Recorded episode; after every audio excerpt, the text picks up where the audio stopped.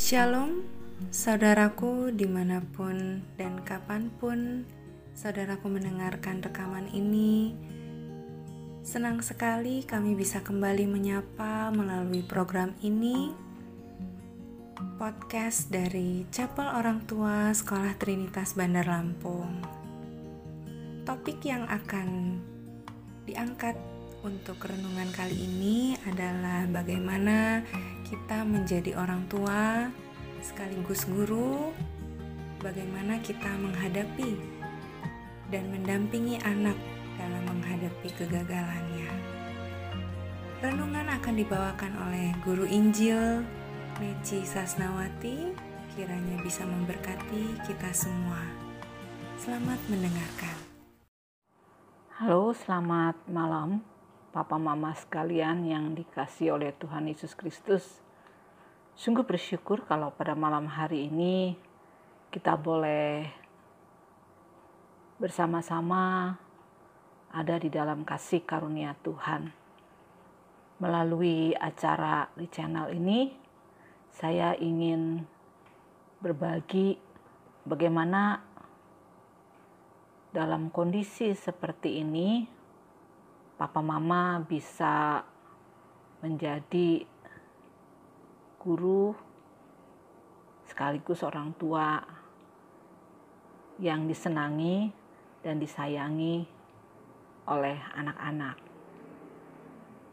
Pandemi ini memang sungguh satu kejadian yang di luar dugaan kita ya.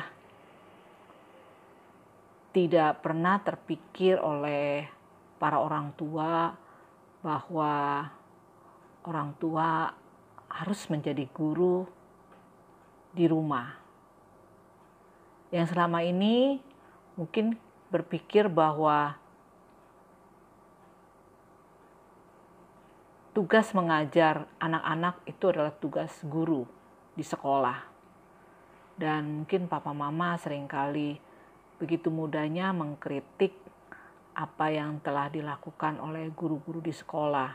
Kadang-kadang banyak orang tua yang merasa tidak puas dengan tindakan tindakan-tindakan atau sikap dari guru terhadap anak-anak mereka.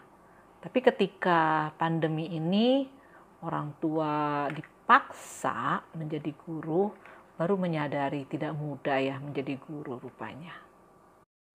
Pada kesempatan ini saya ingin mengajak papa mama untuk menolong anak-anak ketika mereka menghadapi kegagalan. Saya percaya di antara kita tidak ada satupun yang tidak pernah mengalami kegagalan. Dan kita tahu kegagalan adalah salah satu cara untuk naik ke tingkat yang lebih tinggi atau melangkah kepada hal yang lebih baik. Dan saya harap melalui pengalaman kegagalan ini anak-anak bisa belajar bahwa hidup ini tidak selalu berjalan seperti yang mereka harapkan. Dan kita sebagai orang tua, sebagai pendidik, sebagai guru, bagaimana cara menolong mereka ketika mereka menghadapi kegagalan. Kadang ada orang tua yang ketika anaknya mengalami kegagalan, ekstrimnya memarahi, menyalahkan, mengintimidasi. Tetapi ada juga yang membiarkan. Ya udahlah biarin aja gagal begitu ya atau juga ada yang memberikan semangat. Nah, inilah yang harusnya menjadi tugas kita. Di dalam Alkitab ada satu tokoh yang pernah mengalami kegagalan, yaitu murid Tuhan Yesus yang bernama Petrus. Ketika Tuhan Yesus ditangkap dan diadili, Petrus mengikuti Yesus dari jauh dia mengikutinya. Tujuannya hanya sebenarnya ingin tahu dan ingin bersama dengan gurunya. Tapi sayang, dia gagal untuk menjaga tujuan awalnya. Sampai akhirnya dia harus dengan terpaksa menyangkal ketika orang-orang tahu bahwa dia adalah murid Yesus. Penyangkalan Petrus membuat Petrus sangat terpuruk sekali dan dia merasa benar-benar hidupnya gagal. Nah, di sini kita belajar dari sikap Yesus menghadapi kegagalan Petrus. Ketika Petrus gagal, Yesus tidak marahi Petrus.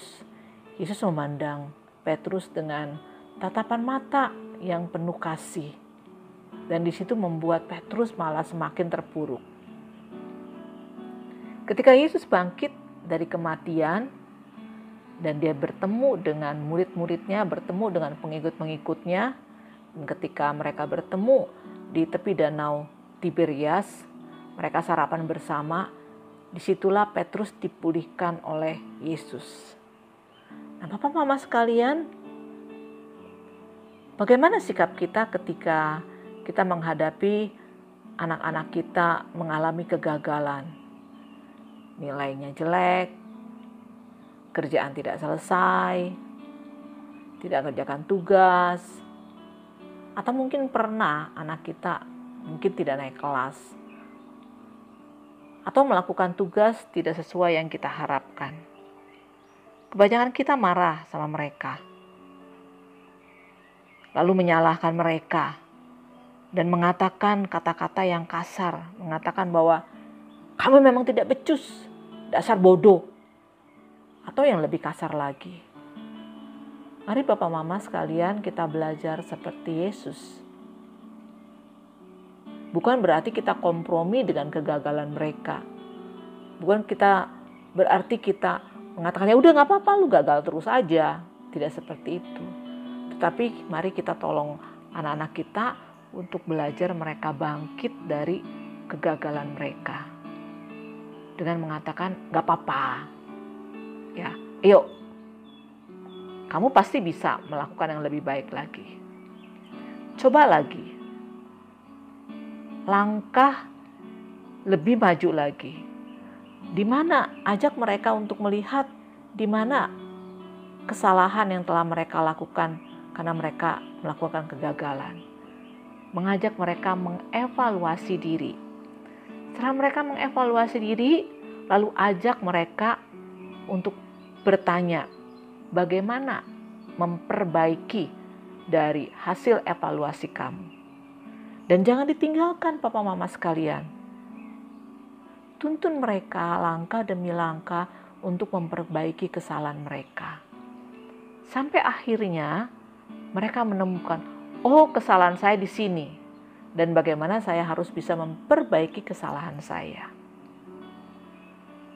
Mama papa sekalian, ketika mereka sudah menyadari kesalahan mereka, sudah menyadari penyebab kegagalan mereka, lalu mereka tahu apa yang harus mereka lakukan, ayo ajak mereka untuk mengulangi melakukan yang lebih baik lagi dan izinkan mereka untuk melakukan pekerjaan sendiri tanpa kita bantu.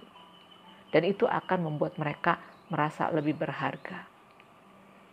Jangan berpikir ketika kita menolong mereka, ketika kita terus mendampingi mereka, ketika kita terus uh, mengambil alih tugas mereka, kita sudah menjadi uh, super mama atau super papa, tidak. Tapi itu tidak mendidik mereka. Izinkan mereka, walaupun mungkin bisa aja mereka itu mengalami kegagalan lagi. Tetapi setidaknya kita mengizinkan mereka untuk belajar mandiri. Percaya kepada kemampuan mereka sendiri. Dan mereka tahu mereka tidak sendirian ajak dan libatkan Tuhan dalam hidup mereka. Bahwa setiap peristiwa yang mereka alami, Tuhan pasti akan menolong mereka. Papa mama sekalian, bukan berarti saya lebih pintar dari papa mama, tapi saya harapkan e, melalui pandemi ini pengalaman-pengalaman papa mama sekalian di rumah bisa menjadi lebih baik lagi ketika mendampingi anak-anak belajar. Jangan biarkan anak sendirian, Jangan biarkan anak frustasi dengan kegagalan-kegagalan mereka. Atau jangan anak membiarkan anak menikmati kondisi yang tidak baik, tetapi ajak mereka masuk ke dalam kondisi yang lebih baik, lebih baik dan lebih baik dan mereka menjadi anak-anak yang lebih bertanggung jawab. Itu saja mungkin yang bisa saya bagikan kepada papa mama sekalian dan saya harapkan uh, untuk acara-acara selanjutnya di channel ini bisa menjadi berkat bagi kita semuanya dan papa mama yang ingin mungkin berbagi cerita atau berbagi pengalaman boleh nanti menghubungi kami pengurus uh, chapel orang tua siswa Trinitas sehingga kita boleh berbagi satu dengan yang lain. Terima kasih, selamat malam. Tuhan Yesus memberkati. Saudaraku, kita telah mendengarkan renungan singkat dari Guru Injil Neci Sasnawati. Kiranya bisa menjadi berkat untuk kita semua. Terima kasih saudaraku telah meluangkan waktu untuk mendengarkan program ini di mana pun dan kapan pun. Kembali kami mengingatkan untuk bisa memfollow Instagram kami di php.trinitas php.trinitas Saudaraku bisa melihat lapak-lapak jualan dari orang tua siswa sekolah Trinitas Bandar Lampung. Dan akhir kata kami kembali mengucapkan terima kasih. Kiranya saudaraku bisa kembali bergabung dalam program-program kami selanjutnya dan juga bisa mengikuti daster yang diadakan pada hari Jumat malam yang akan diinformasikan melalui WA group masing-masing kelas ketika kami akan melaksanakannya begitu ya. Baik, terima kasih selamat beraktivitas ataupun selamat beristirahat untuk kita semua. Tuhan Yesus memberkati.